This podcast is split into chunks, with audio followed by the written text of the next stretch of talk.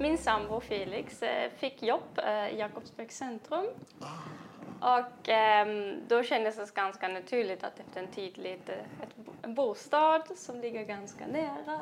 Så vi, och då hittade vi den här lägenheten i Vikrö. Mm. Flyttade hit. Och nu har jag också hittat jobb här i nyheten. Ja, precis. Det känns ganska bra just nu. Ja, vad roligt. Vi kommer tillbaka till det. Men det här är ganska nära skogen också så att det är rätt bra ändå att hitta ut. Ja. Ja.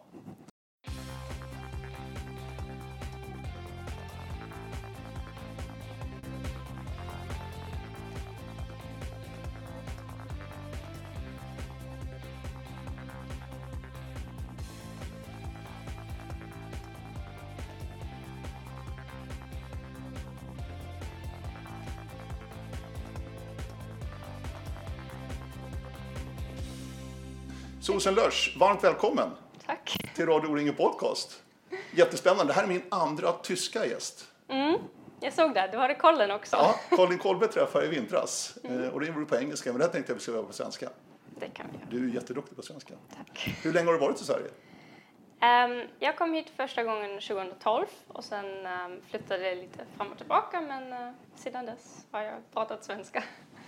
Eh, mer eller mindre flytande. Så Mm. ja, det går bra. Är det lätt, det här har jag pratat med schweizare om ganska ofta, de jag har träffat också i podden här, att de har en ganska lätt ändå att lära sig svenska. Är, är tyskan ett bra språk att komma ifrån för att lära sig svenska? Ja, absolut. Alltså många ord är väldigt lika. Så det är, alltså att läsa är jättelätt. Typ för exempel ta spännande. Det är spännande på tyska, så det är så otroligt lika. Man behöver knappt lära sig ordet. Det är bara att lära sig hur man, hur man säger ordet. Du, jag tänkte börja med det här. Vem är Susan Lösch? Hur skulle du presentera dig själv? Ehm, ja, eh, jag är orienterare från Tyskland. Jag är 27 år gammal. Ehm, jag har orienterat i hela mitt liv. Ehm, jag har studerat också. Jag har precis avslutat mina studier i Engineering Physics. Ehm, ja, och jag eh, gillar att resa och tävla och jag är ganska tävlingsinriktad. Så är det. Ja. Du, vi tar från början eh, Tyskland. Var i Tyskland kommer du ifrån? Ehm, jag kommer från Jena, Ehm, en inte så liten svensk eh, stad med svensk mått, men med tysk mått är den ganska liten. Ehm, så Vad innebär det då? Hur många invånare är det? 100 000. Ja, det är en ganska stor svensk stad, precis. Ehm, eh, det ligger typ i mitten av Tyskland, ja, ganska nära mitten i Tyskland. Ehm, det finns en stor orienteringsklubb där, eller stor, 100 medlemmar. Ja. I Tyskland är det stort. Ehm, och de har stora barn och ungdomsgrupper och håller på. Det går bra för dem. Eh, Jena var ju en del av Östtyskland. Innan sammanslagningen då efter Berlinmurens fall 1989-90 då sammanslagningen. Det där har ju du missat. Ja, Du var jag, inte ens född då Susan. Nej, jag är född 93 så jag har missat den där spännande delen. Men eh, det har ju varit, såklart har det varit, har vi pratat om det hemma. Alltså, och det, det, det är ju alltid tema i nyheter och sånt, eller alltid men ganska ofta. Så ehm, hur det var att, att bo i gamla Östtyskland, och hur, vad som har förändrats. Och, ehm, ja, jag skulle säga det beror verkligen vem du pratar med om det var det var inte allt var bra när det sammanslogs. Ja, Nej. kan man väl säga. Det finns också dåliga sidor men ehm, jag vet att för många som bodde i gamla Östtyskland var det liksom en verkligen befrielse. Så, det, Men hur ser det ut idag? Så att säga, är det fortfarande så att de som bor och har bott i östra Tyskland, i gamla Östtyskland då, känner de fortfarande att, att de bor i Östtyskland eller är det ett enat Tyskland skulle du säga då? oj, det är en svår fråga. Ja. Ehm, alltså det finns ju fortfarande skillnader i lönen. I lönen. Alltså lön i Västtyskland är högre i genomsnitt. Ehm, och sen också Ehm, en rolig historia. Jag har en, har en bra vän som ehm, gjorde ett frivilligt år i Västtyskland och då, då träffade hon andra frivilliga. Och sen var liksom, pratade de om vart de skulle studera. Och eh, hon skulle tillbaka till Östtyskland och studera i Leipzig. Och de andra som var där var liksom, men ska du till Östtyskland och studera där? Och de andra var bara västtyskar. Så det, det är fortfarande lite att, ja, folk kan inte tänka sig att bo i, alltså jag tror det är särskilt folk från Västtyskland som kan inte tänka sig att bo i Östtyskland. Ja, det är så alltså. I några, på några ställen. Lite generellt så, ja. Men du skulle också kunna säga många från Bayern kan inte tänka sig att bo någon annanstans. Nej, nej. Så, ja. det, det kanske inte har något att göra med Öst och Västtyskland. Nej, precis. Nej. När du säger Jena, eh, för mig är det Carl Zeiss. Mm. Kikare, optiska hus, alltså kameraoptik och sånt där. Ett stort företag. Ja, båda mina föräldrar, när de, de kom till Gina för att jobba där. De gjorde faktiskt. det? Vad spännande. De, eh, min pappa har liksom va, varit inom företag, de har ju splittrats lite så nu jobbar han för ett annat företag men det var liksom samma företag hela tiden. Ehm, ja, och min mamma var med och byggde planetarier. Det, de här stora runda husen där man kan se uh, stjärnor och sånt. Mm. Ja. Så det var, är faktiskt på grund av Carl Zeiss jag är född i Gina kan man säga. Ja, ja, jag förstår. Spännande. Ja, det var en bra koppling då med Carl Zeiss. Eh, annars, du sa det att du har orienterat hela ditt liv. Det betyder att dina föräldrar har hittat idrotten någon gång. Ja, det, de studerade i Chemnitz, en annan östtysk stad. Eh, och där var det någon lärare som orienterade och som introducerade dem till sporten och tyckte det var kul. Sen fick min bror och jag såklart också börja med orientering och sen Ja, så finns ju alltid den där perioden där man tycker att det här är skittråkigt. Um, och då, då slutar man träna och tävla. Men sen i Tyskland är det ju ganska lätt att komma med i, i, liksom, i distriktslaget och så också landslaget. Så då, då hittade jag nya vänner där och, och sen tyckte jag igen det var kul. och då stannade jag med, med det. Ja. Eh, Jena ligger ju i Thüringen. Mhm. Det är ju förbundslandet om man översätter till svenska då. Mm. Thüringenwald. Det är ju Ja. ett väldigt stort fint skogsområde där strax söder om Jena. ja, stämmer. Där finns det mycket orienteringskartor där. Det finns orienteringskartor. Ehm, jag skulle inte säga särskilt mycket om man tänker på hur stort området är. Nej, för det är riktigt stort ju. Ehm, och terrängen är ju vad ni svenskar kallar väldigt kontinentalt. Ja. Det är brant och detaljfattig. Alltså precis motsatsen mot vad som finns här i norra Stockholm. Ehm, så jag skulle säga, säga också att då, ganska många områden i Thuringerwald är kanske, kanske inte så ehm, bra för orientering. Det går att springa i skogen, och det, men det blir inte riktigt spännande att orientera där. Nej. Det blir mycket liksom rakt på eller, eller, eller ja, det blir faktiskt mycket väglöpning. För det är så jobbigt att ta sig upp och ner för de där branta ehm, bergen och ehm, att oftast är det också ganska grönt. Alltså att det blir, det är många, vad heter det, björnbär faktiskt. Och de är ju riktigt, och brännässlor. Det är en kombination av björnbär och brännässlor. Liksom. Det, är, det är verkligen inte skönt att springa rakt på i sån skog. Det, det finns ju inte här i Sverige. Det, Nej. så. Men när, när du lärde dig orientera då i Jena, finns det några områden nära stan så att säga som Ja, alltså själva stan ligger ganska fint. Den, det är en å som går genom stan och den har grävt en jättestor dalgång. Och så stan ligger där nere i dalgången och sen går det jättebrant upp på sidorna. Typ nästan 300 höjdmeter. Så varje gång man går på tur är det 300 meter upp, sen springer man och sen springer man ner. Så på de där sidorna och sen uppe på platån skulle jag säga, då är det skog. Eh, och man kan springa där, särskilt på norra sidorna. För då är det mindre grönt och Ja, och sånt. Så. Just det. Ehm, det är okej. Men oftast, alltså jag skulle säga det är bäst på våren innan löven har slagit ut. Sen på sommaren går, finns områden där vi har karta men jag skulle säga det går knappt att springa. Alltså på stigarna såklart men inte i skogen. Nej. Du, eh, Tyskland är ju Europas folkrikaste land. Mhm. 83 miljoner ungefär i dagens läge. 84 kanske, någonstans där. Drygt 80 i alla fall. Men det är fortfarande en väldigt, väldigt liten idrott, orienteringen i Tyskland. Ja, Trots att ni har, jag gillar ju Tyskland, jag är är en stor Tysklandsvän verkligen.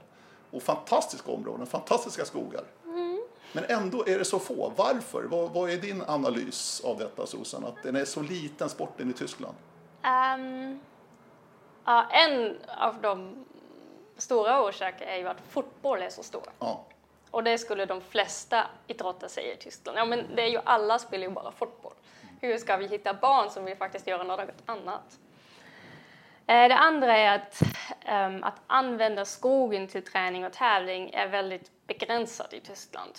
Så eh, om vi skulle arrangera ett officiell träning eller tävling då måste vi alltid ansöka om lov. Det finns inget um, allemansrätt. Och det betyder ju mycket byråkrati och pappersarbete. Och det, alltså ingen har lust med det.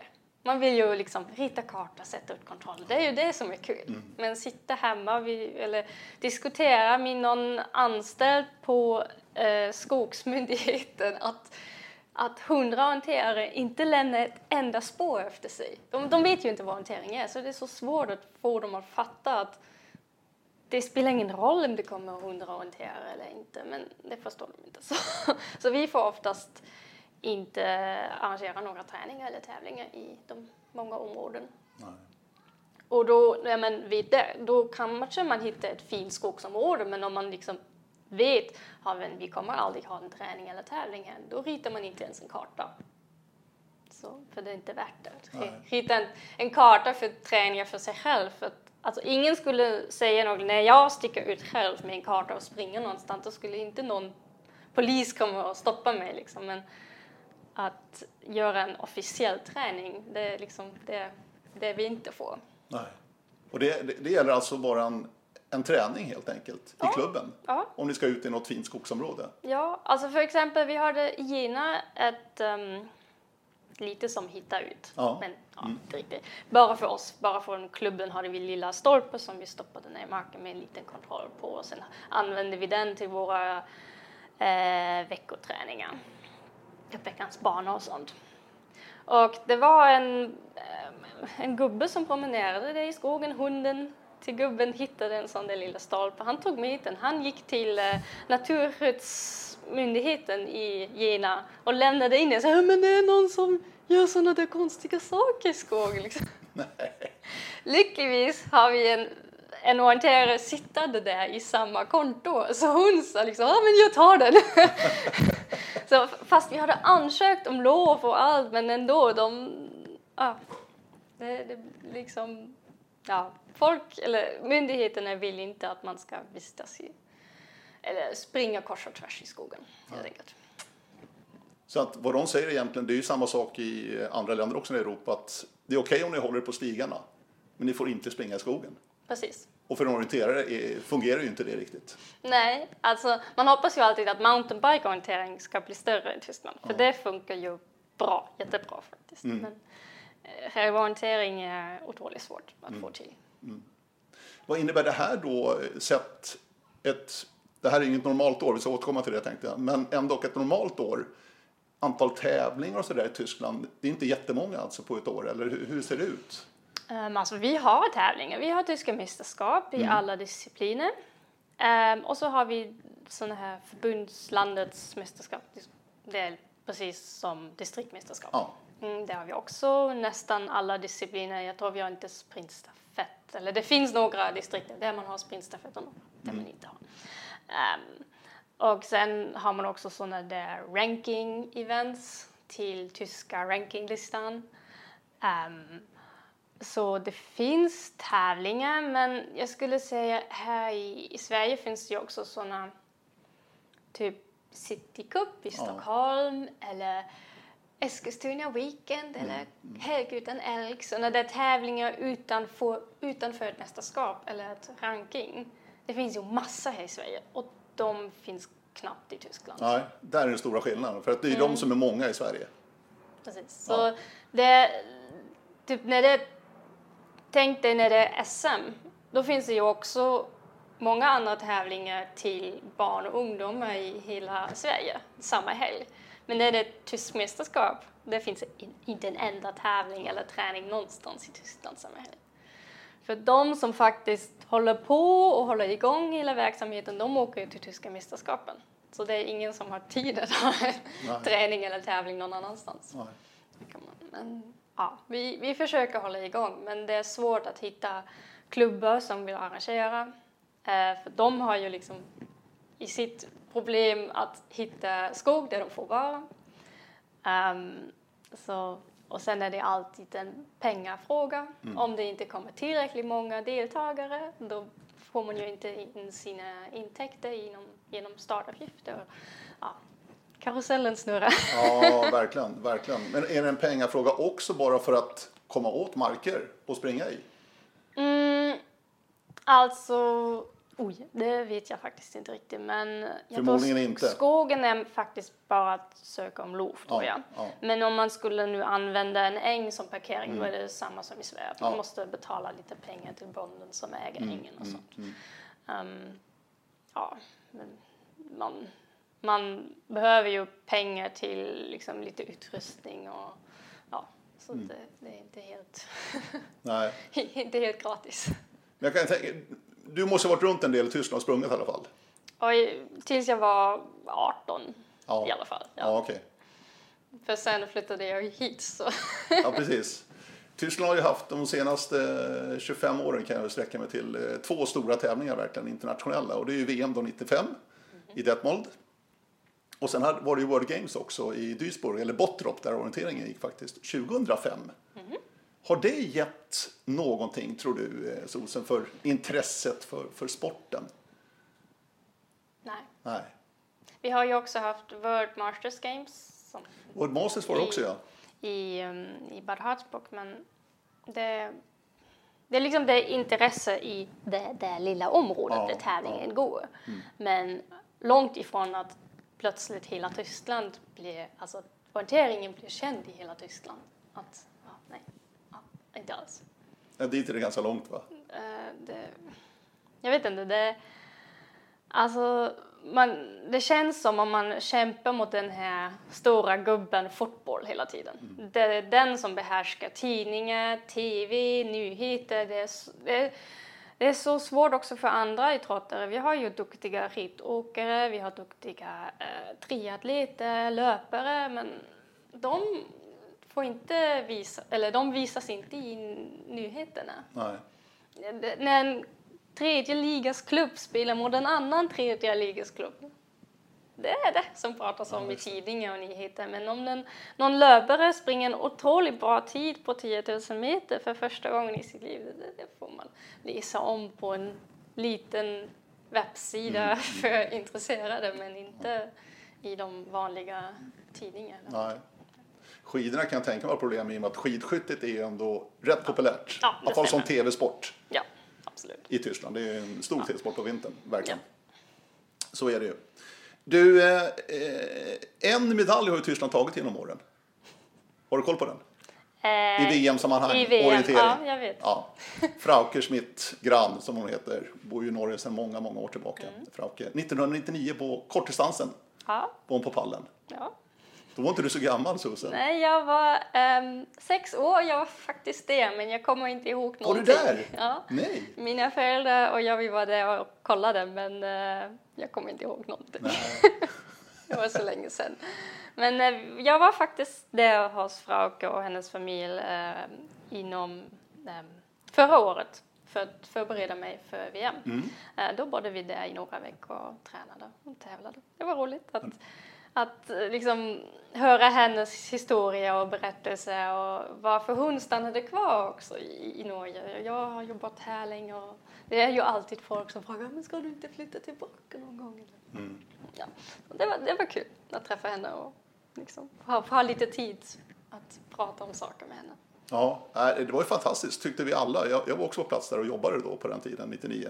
Och det var, tycker jag var otroligt häftigt att Tyskland var en på pallen. Och då trodde man ändå någonstans att ja, men det här kanske, kanske får lite effekt ändå. Ja, under den tiden, det var ju då och några år framåt och bakåt där de tyska damerna sprang också otroligt bra på stafetterna. Det fanns, de har ju fått några topp 6-placeringar där också. Um, men sen, sen vann ju Karin, vann ju den här... Schmalfelt. Mm, vann ju World Games där i mm. Tyskland mm. 2005. Det var ju också en stor sak för oss i alla fall. Absolut. Um, men sen liksom tunnade det bort lite kan ja. man väl säga. Ja. Särskilt i damorientering.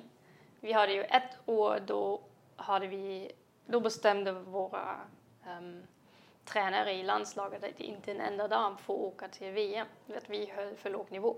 Jaså. Uh, det är några år tillbaka, det var innan jag kom till landslaget. Men um, så, så jag vet inte om det var rätt, men uh, jag vet inte, det blev aldrig att Precis, då, då, tänkte, så sa jag att ja, nu kommer de igång liksom. Ja. Men det, det, det blir aldrig, det, var, det är oftast att vi har tjejer och killar som är duktiga. Men sen när de, när de börjar studera eller jobba då, då lägger de av. Mm. Det, jag tror i Tyskland är det inte lika, um, vad säger man, ansett, nej det är kanske fel ord. Eller för, för vanligt folk, de som inte idrottar, då är idrott inte lika... Att, att, att um, ta så mycket fritid till en enda grej och jobba så himla hårt fast man får inte pengar. Nej. Det är folk i Tyskland som inte fattar varför man gör det. Nej. Och um, det an, det, man får ingen bra respons. Det blir inte, här i Sverige känner jag att det är många som när man ja, i skolan eller på jobbet och någon kommer på en liksom, men du är ju ganska duktig orienterare. Att man får liksom, att det blir uppskattat. Mm. Att folk tycker att det är roligt och det är kul och att man ska fortsätta med det för att ja, man har ju bara en chans i livet. I Tyskland blir man med, säger folk med så, ja men vad gör du för konstig grej där? Ska du inte sluta med det? Det är mer så folk beter sig och då, då känner man ju som ung person liksom, ja men kanske de har rätt. Kanske man borde inte lägga så mycket tid på det där. Nej.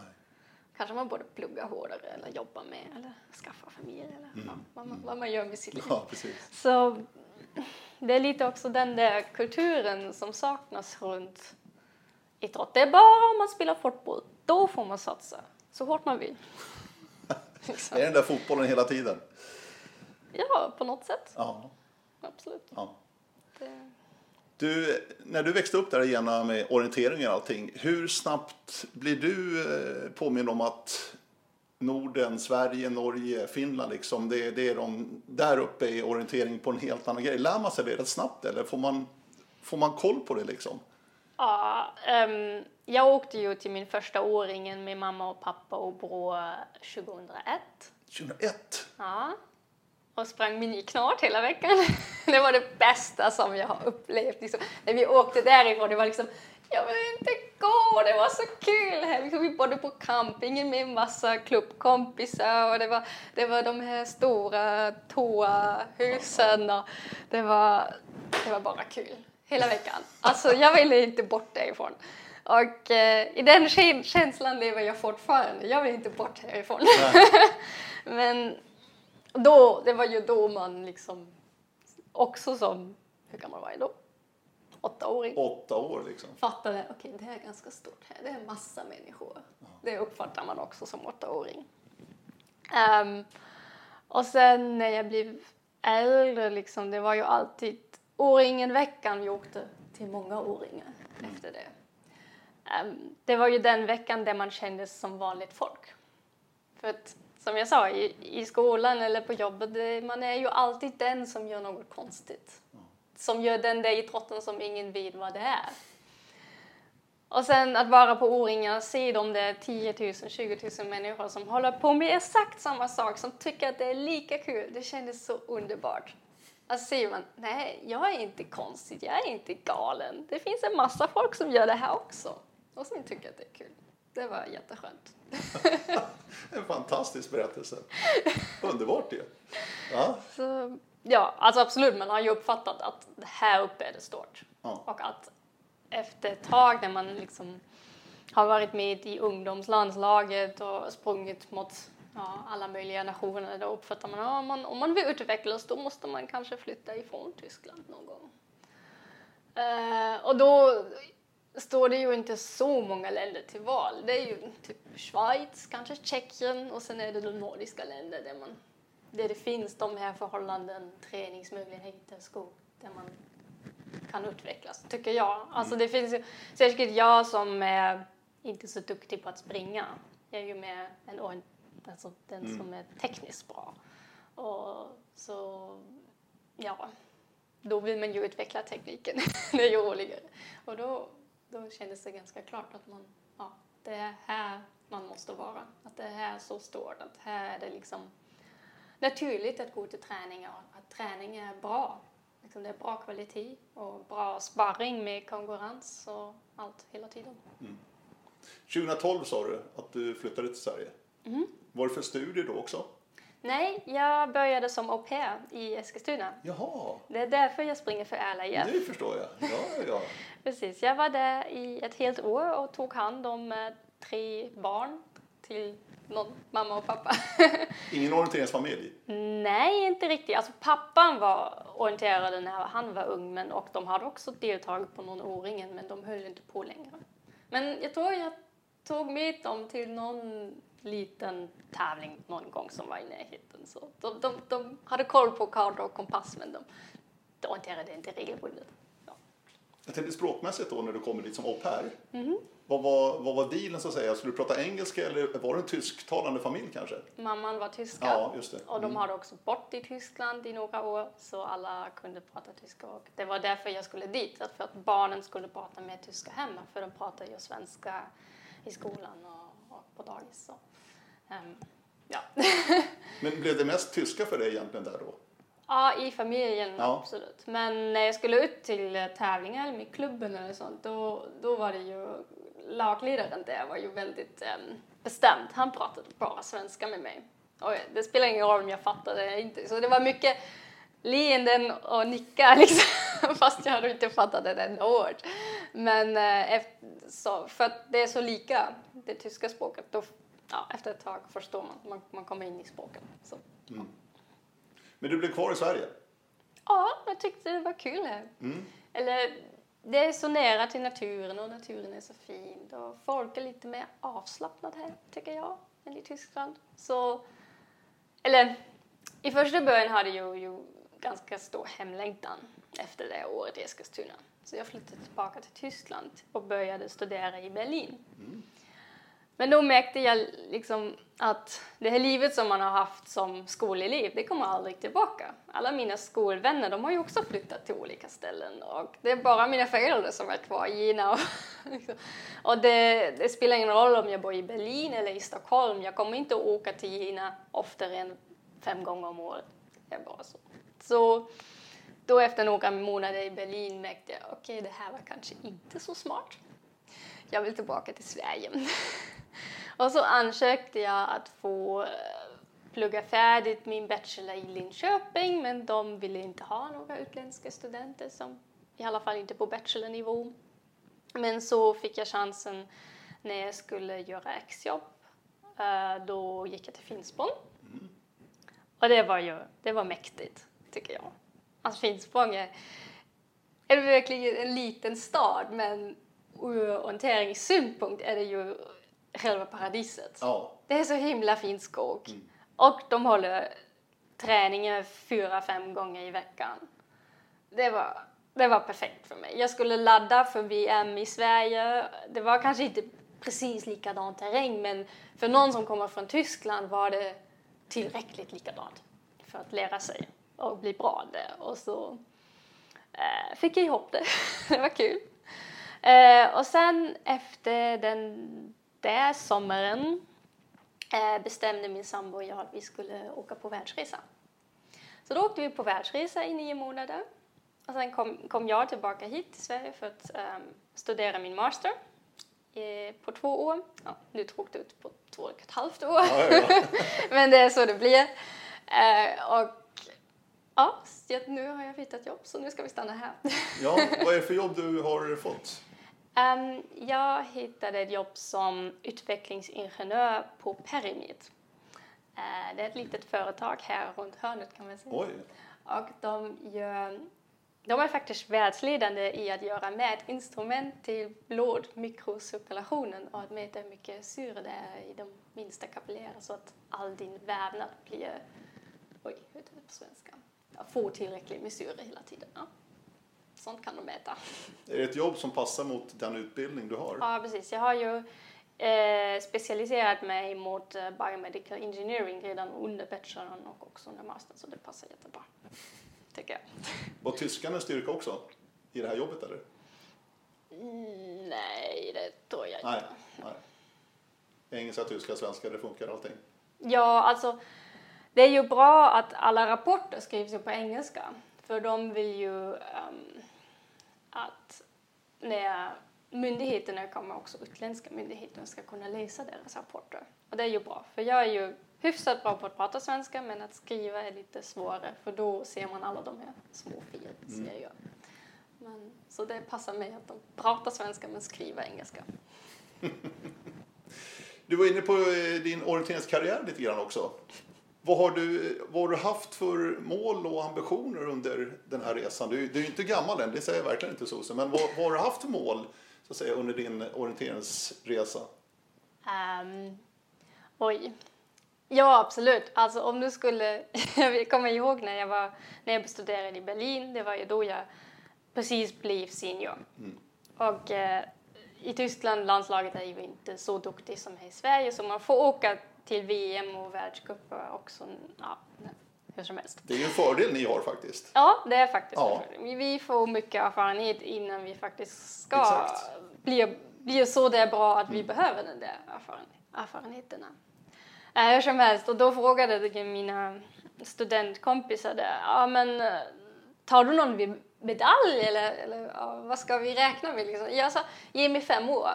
Ja, nu har de där fem åren gått och jag har fortfarande inte tagit en medalj men eh, det, det beror ju på lite olika orsaker. Ehm, så ja, hur har det gått som orienterare? Jag har ju börjat ganska bra faktiskt. På ungdoms-EM första året då eh, kom vi trea på stafetten. Det var riktigt kul. Liksom, det var en bra dag. Ehm, och så kom jag sexa på sprinten.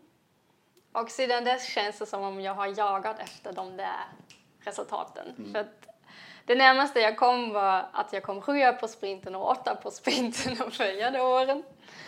Eh, det var lite, lite synd, jag var väldigt ledsen att jag inte fick ta med en, en, en diplom hem. Ja. Det var väldigt synd. Topp sex får ju diplom. Ja, precis. det är inte som jag är i Sverige, det är det tio platser man får där. På SM, ja precis. Ehm, så sen, ja, på student-VM tog jag en femte plats på medeldistansen. Det var också häftigt. För mig i alla fall. Ehm, och på VM, jag började ju första året, då, då kom jag 41 som bäst i skogen och 30 någonting i sprinten. Ehm, fast 30 någonting var ju otroligt bra för en tysk löpare. Det var ju den, bästa placeringen vi har haft i sprint på väldigt länge. Så, eh, och som ung förväntar man sig så att, att de där succéerna ska fortsätta. Men eh, jag hade ju alltid svårt att få upp farten liksom. Så det blev lite tungt och sen var det det här med divisionerna. Så vi i Tyskland satsade mycket mer på skogsdistanserna för att stanna kvar i vår division 2. För vi var ju alltid på gränsen att eh, tappa någonting och hamna i division 3 och sen får inte så många åka till VM och det skulle ju vara tråkigt. Så vi satsade mycket på skog. Jag sprang inte en enda sprint på många år. Eller bara sprintstafetten för det var kul liksom. Um, och så fram till VM i Sverige som var liksom, ja ah, men där ska jag vara bra. Jag, jag har en svensk klubb, jag har möjligheter att förbereda mig. Jag springer 10 mil, jag liksom, ja, jag har lite, i alla fall lite bättre chanser än i Skottland skulle jag säga. Och det gick bra. Jag kom 21 på långdistansen. Jag var otroligt nöjd. Jag var Vilket år var det? 16. 2016. Ja, jag var 23 år och var 21 på, på, på lången. Det var liksom, ja vad bra, tre år till och jag kanske kan slå mig in i topp 10. Vad bra. Och men på något sätt stannade jag där. Bästa placeringen hittills är ju 17 på medeldistansen. Jag gjorde sådana där små steg, jag blev mycket mer stabil i mina resultat. ehm, men ehm, det blev aldrig att jag hade den där superbra lopp som behövs för slå sig in där i topp 10. Jag vet ju att man kan, jag såg ju Isia Bassi det där året när hon blev trea. Liksom, jag hade ju slagit henne i många lopp. Absolut. Och så plötsligt blir hon trea. Det var liksom, ja men det går ju, jag vill också dit. Jag ser ju henne att hon kan det där. Och liksom, då, då fick jag nu kraft liksom, för fram till dess var det liksom, ja men det här, det, det blir ju aldrig. Jag tränar och tränar och jag tränar hårt och försöker förbereda mig mer eller mindre professionellt på tävling, till tävlingar och sånt. Men alltid var det liksom ja, någonstans i topp 40. Ja, det var bra. En världscupspoäng, yay! Men ja, inget uppseendeväckande skulle jag säga. I alla fall inte i internationell mått. Med, med tysk mått var det ju bra på något sätt. Men eh, långt ifrån Fraukes eller Karins eh, resultat. Så ja, det, det är fortfarande det jag jagar. Men du var Ehm, inne på det lite grann, Sosen, och det, det är du medveten om också. Det kanske är, det är farten som, som eh, är problemet för dig. Att absolut. du måste liksom höja, höja din fart helt enkelt Ja. för att hänga med. Du kanske inte ska jämföras med Tove som är ex, exceptionell verkligen och vinner VM liksom i 10 minuter. Ja. Eh, Hon är ju en helt annan klass. Hon är en helt annan klass. Men där bakom sen, men ändå, du måste i alla fall öka farten. Och hur, hur, hur lägger du upp det, så att säga, det jobbet? För att Ja, hitta till en topp svårt. 10-placering på VM då, nästa år i Tjeckien kanske, förhoppningsvis. Uh, alltså i Berlin studerade jag ju med en eh, gammal barn, 10 000 meters löpare. Ja, just det. Eh, han var min coach då och då kände jag också att jag blev snabbare men det gjorde så himla ont i hela kroppen. Jag mådde inte, alltså min kropp mådde inte alls bra. Så jag vet att jag måste höja farten men jag vet också att om jag skulle satsa på liksom riktigt snabba pass och mycket banlöpning och, och många snabba pass, mång, mycket banlöpning då får jag bara ont. Och det är inte, det blir inte heller bra. Nej. Så jag har liksom försökt att höja det där lite långsammare men det går ju jättelångsamt. Och så tycker jag också att barnträning eller löpträning, det är inte så kul. Nej. Jag tycker mycket mer om orienteringsträningar. Så liksom om jag ska välja med, mellan ett orienteringspass eller ett löppass då väljer jag ju alltid orienteringspass. Så det är ju det, man, man vill ju den, där- man vill ju ha den där medaljen. Det är ju det man, man, man jobbar för liksom. Men också måste man bestämma någonstans hur, hur mycket är jag beredd att ge för det. Det är ju fortfarande min fritid. Min Vilket fri- pris du är beredd att betala liksom. Ja, precis. Och min fritid den ska vara lite roligt också, Absolut. tycker jag. Så, och jag tycker att det där med skogen och kartan i handen är mycket roligare än att bara springa. Eh, Annars hade jag blivit löpare.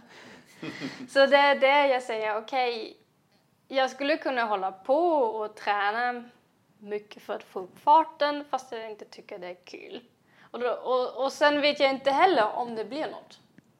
Typ förra året då höjde jag ju min fart. Jag sprang personbästa på 3, 5 och 10 000. Men ändå blev det precis likadant resultat som alla år, tre åren innan. Så liksom, ja, men då tänkte jag, men varför ska jag hålla på med sånt? Liksom. då kan jag istället göra det som jag tycker är kul, som gör att jag faktiskt eh, liksom orkar hålla på länge. Och kanske någon ung där efter mig kommer att dra upp, liksom, få upp den där farten, ha bra teknik och sen hon tar medalj och sen springer jag gärna en jättebra stafett med henne och tar ett diplom på stafetten. Men jag vet att den, det, det priset för att ta en medalj, den är kanske för att vara säker på en medalj. Man vet ju aldrig. Men att vara säker på en medalj, den, den är för hög för mig. Mm.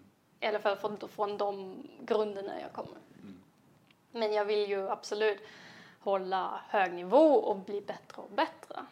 Um, men på mitt sätt. Det är ingen som ska bestämma hur jag ska göra. Du, eh, I år har vi fått lära oss eh, tre nya ord ordentligt. Pandemi, corona, covid-19. Det var inte i vår vokabulär tidigare. Hur har det påverkat dig, Sosen, det här året? Um, förvånansvärt lite skulle jag säga. Um, I alla fall när det gäller skola och jobb. Jag har ju ja, färdigställt mitt uh, exjobb och ja, sånt. Men um, orientering har ju påverkat mycket. Um, jag är ju tävlingsmänniska. Jag gillar att tävla. Det är därför jag gör det här. Eh, och då blev tävlingen inställd. det var ju inte så kul. Men, och då tappade jag lite, eller ganska mycket motivation. Jag var liksom, ja men oh, vad, vad ska man träna för då?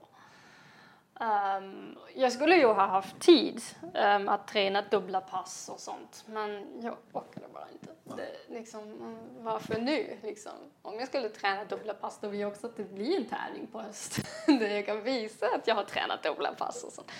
Så nej, det blev det inte riktigt. Och, ja, jag vet inte, det kändes väldigt konstigt att vara hemma så mycket.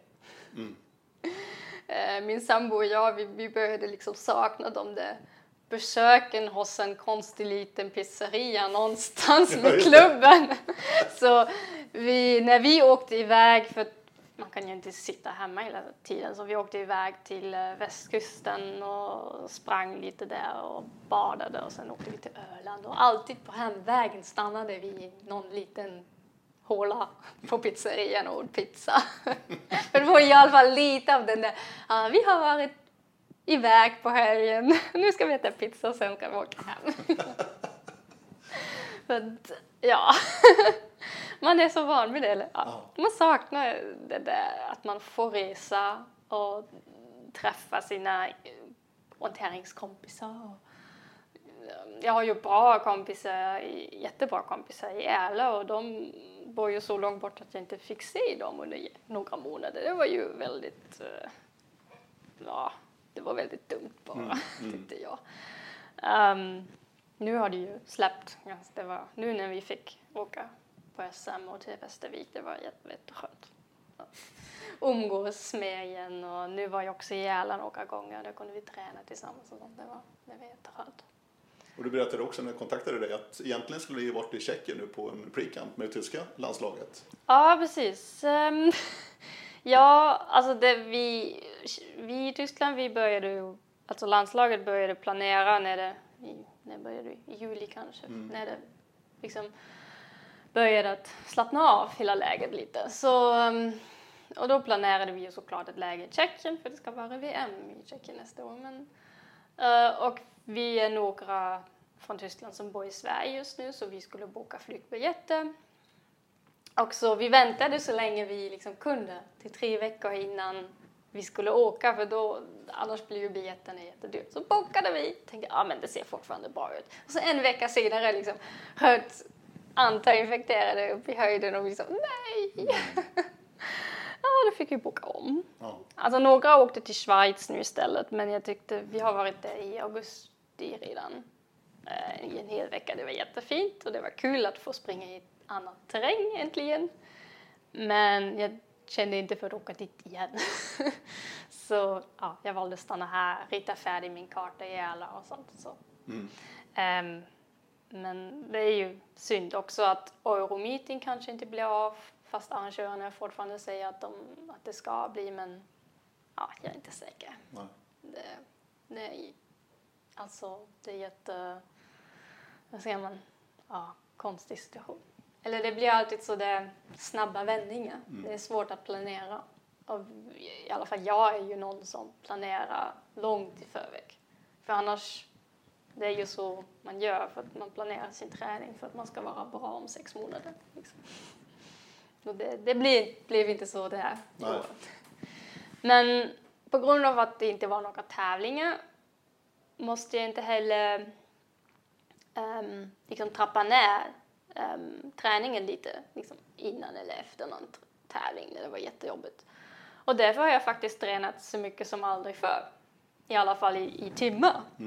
Kanske inte lika intensivt för det var inga tävlingar men jag har tränat stora mängder och det är jag också ganska nöjd med. Vi får se om det, om det hjälper något nästa år. Ja, det ska bli intressant att se.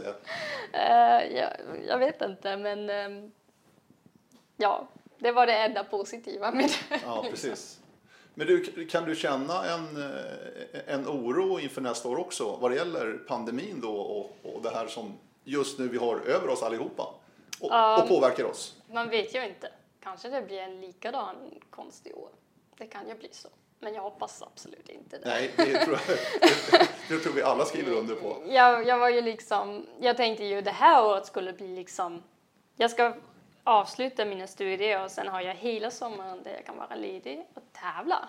Liksom, det är ju det man, uh, perfekt, liksom vara profi i, några månader. Ehm, men så blev det inte och sen nu känner jag liksom, men nu ska jag jobba heltid.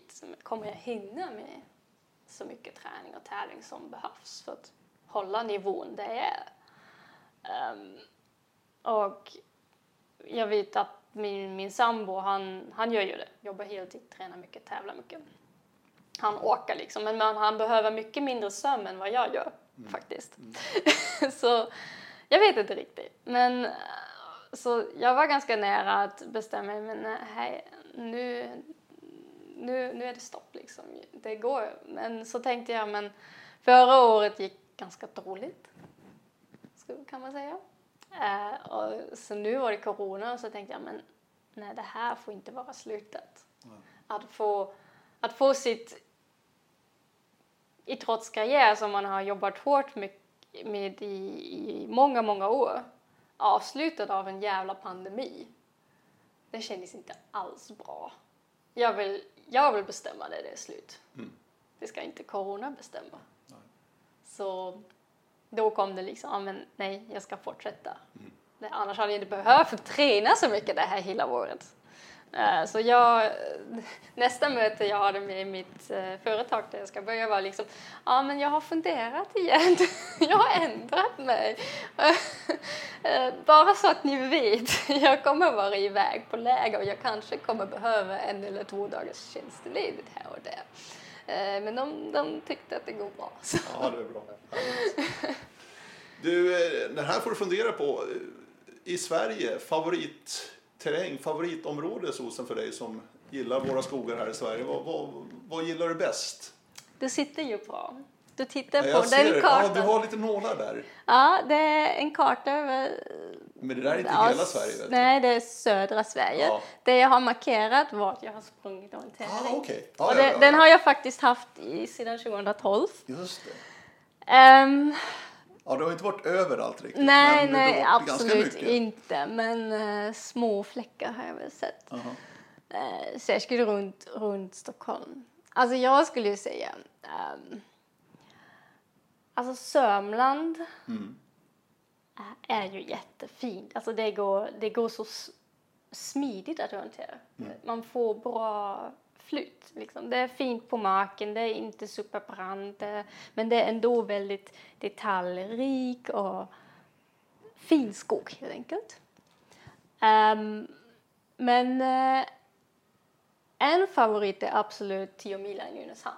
Ja, Den tyckte jag var riktigt nice. fantastiskt område. Ja, alltså det, det var ju mellan de här branterna var det ju också faktiskt ganska bra att springa alltså liksom på marken.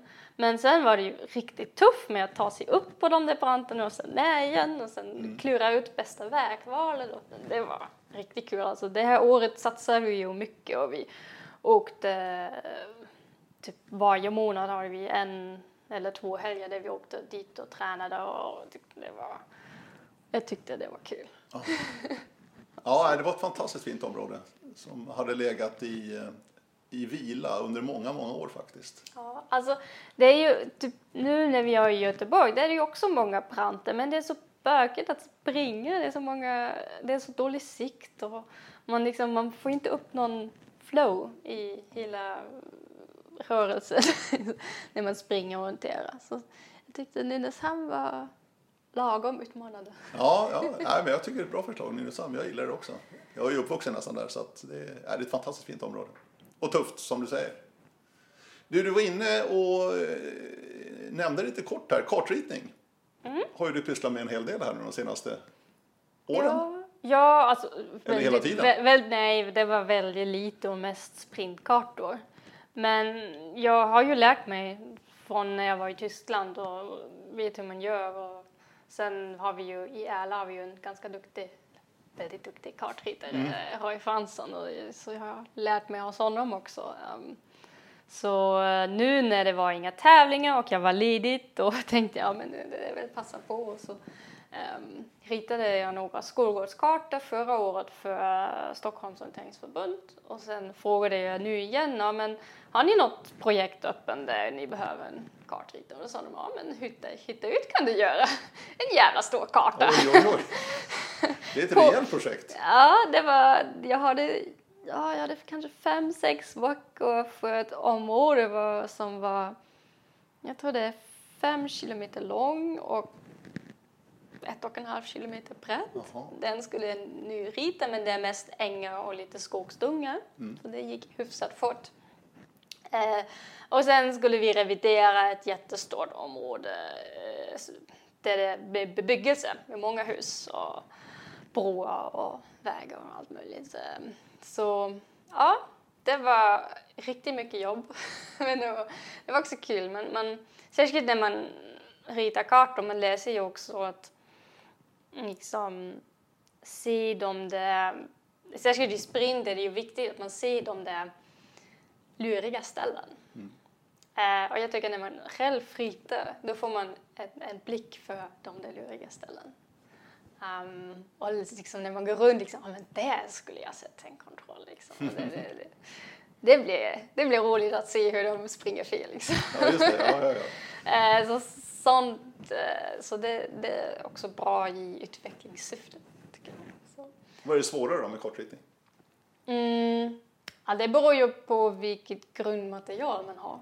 Jag hade ju tillgång till eh, höjdkurvor, alltså digitala höjdkurvor och liksom sådana där bakgrundsbilder där man ser hur, hur växtligheten är. Um, och vägar och sånt har jag också redan. Så, så då går det lätt att liksom bara man, man vad ska man, förrita på datorn.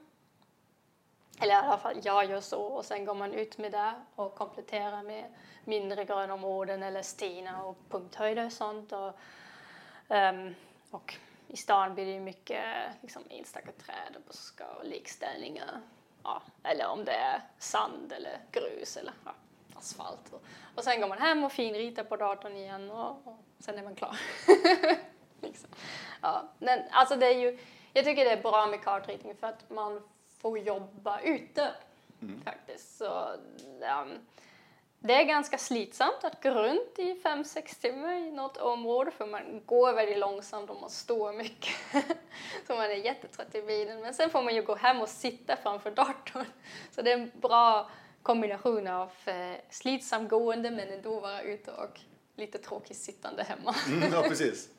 Hur hur ritar, ritar du med papper och penna ute eller? Alltså den gamla? Ja, jag är lite gammaldags. Mm, inte med en dator så att säga ute i, i, i fält. Nej, inte riktigt. För jag, vet, eller jag har också hört många som tycker att eh, när man ritar med platta yta att det blir det är lite svårt att rita faktiskt liksom stor, alltså områden. Att sätta någon punktobjekt, liksom en träd eller en punkthöjd, är ganska enkelt. Men att ehm, ehm, ja, faktiskt rita är lite krångligt med det. Det är lättare vid datorn. Mm. Har jag hört, jag har inte provat. Ja, precis. Men du, du sa det att du, tror ändå att det, det kan gynna dig som orienterare ändå att hålla på Ja. med kartritning också. Ja, absolut. Och man får ju en annan blick också. Typ, när man springer på en karta sen, liksom, men, men det här är lite konstigt ritat. Liksom. Ehm, fast när man är precis klar med ett projekt, då, då åker man ju någonstans, eller när man går någonstans, liksom, aha, det här är gult, det här blir en grön linje, det här blir... det är lite jobbigt. Och särskilt när man är, sen är ute på en tävling och tycker att ah, men det här ser konstigt ut. liksom man, man blir så ofokuserad.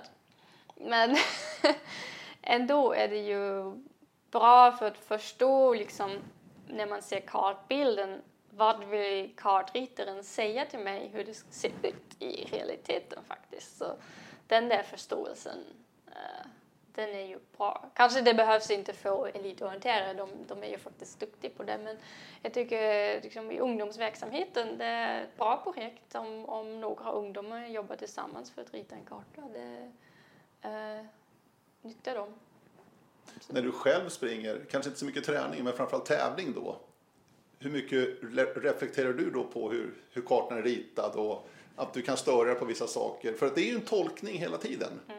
Eh, alla kartritare ritar på sitt sätt så att säga. Va? Ja, senaste exempel på SM nu på, på Lången, första kontrollen, jag tyckte att höjdkurvorna var fel där. Så kommer man dit och sen tänker man att det här var fel och sen tänker man men varför var kartritaren så slavigt här? Så, så blir man ofokuserad. Men ja, det, det, får man väl leva med. Ja. Och man, alltså, jag skulle säga att man kanske borde inte ha ett pågående projekt inför en viktig tävling. För då får man precis det där med att man blir väldigt det där detaljfokuserad. För i stort sett är ju kartorna bra det man hittar när man tävlar det är ju verkligen bara små detaljer. Mm. Så, så, man, ja.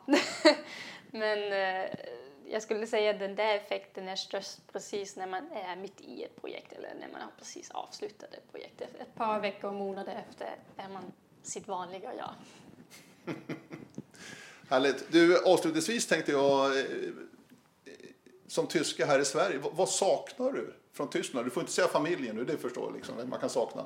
Men i övrigt, är det något sånt där som du har i Tyskland men som inte eller är svårt Och, acceptera bröd. eller hitta här i Sverige? Det är bröd. Ja, det är ju klassiskt svar verkligen. Alltså. Så svarar väl alla tyskar tror jag faktiskt i Sverige. Eh, det var också när vi var på världsresan. Vi, vi hittade ett ställe i Ecuador där de hade pumpernickel. Vi var liksom yay, ah. bröd, ordentligt bröd. Nej. Men uh, jag vet inte. nu har vi hittat ganska bra bröd på Lidl faktiskt. Mm. Det är vi nöjd med. Um, annars det är väl mest bara jag själv som gillar chokladmüsli. Mm. Det finns nu också på Lidl och på Willys men det var först i år det finns. Så alla andra, de sista åren var det oftast när vi åkte till Tyskland så åkte det alltid ner två, tre, fyra påsar chokladmüsli i väskan på vägen hit tillbaka till Sverige. För att man skulle överleva till nästa gång man åkte någon annanstans och kunde köpa chokladmüsli. Chokladmüsli? ja. Det måste jag prova. Eh, det är, liksom, det är min, min lilla drog på morgonen för att bli vaken någorlunda vaken. Um, ja, alltså det handlar mycket om mat. och sen är det ju um, den här att det är ganska mörkt på vintern. Mm. Alltså när det ligger snö och man kan åka då är det ju inte så farligt men det är som förra året då är det lite tråkigt. Men, då, då, men det är stor skillnad när jag, när jag åker hem till jul den där timmen eller nästan 90 minuter som det är med lys på, på eftermiddagen, det, det märks ordentligt. Det är mycket, man, man är inte lika bunden till sina uteaktiviteter. Liksom, ja, men vi måste vara klara klockan tre. Det, I Tyskland, då, ja, men om vi är klara halv fem, det är okej. Det, det är skönt, liksom, man har lite mer frihet. Men eh, annars skulle jag säga att många saker är lite, lite eller, ja, finare avslappnat här i Sverige. Ja, du sa det tidigare också. Annars är ju Sverige och Tyskland är ju rätt ja. lika så att säga vad det gäller själva Nej. samhällsuppbyggnaden skulle jag säga. Ja, absolut. Det är ju en helt annan sak om man skulle komma från äh, ja, Argentinien ja, eller precis. något afrikanskt land eller något. Mm. Mm. Absolut. Du, stort tack Susan. Supertrevligt att träffa dig. Ja, tack att du var här. Ja, verkligen. Så, och lycka till med det nya jobbet. Mm. Och den fortsatta karriären. Vi ska ha koll på det. Tack. framöver också. Och tack för att ni har lyssnat hörni, på Radio O-ringen. Eh, hittar oss på radio som vanligt. Hör gärna av er. Ha en fortsatt skön dag. Hej då!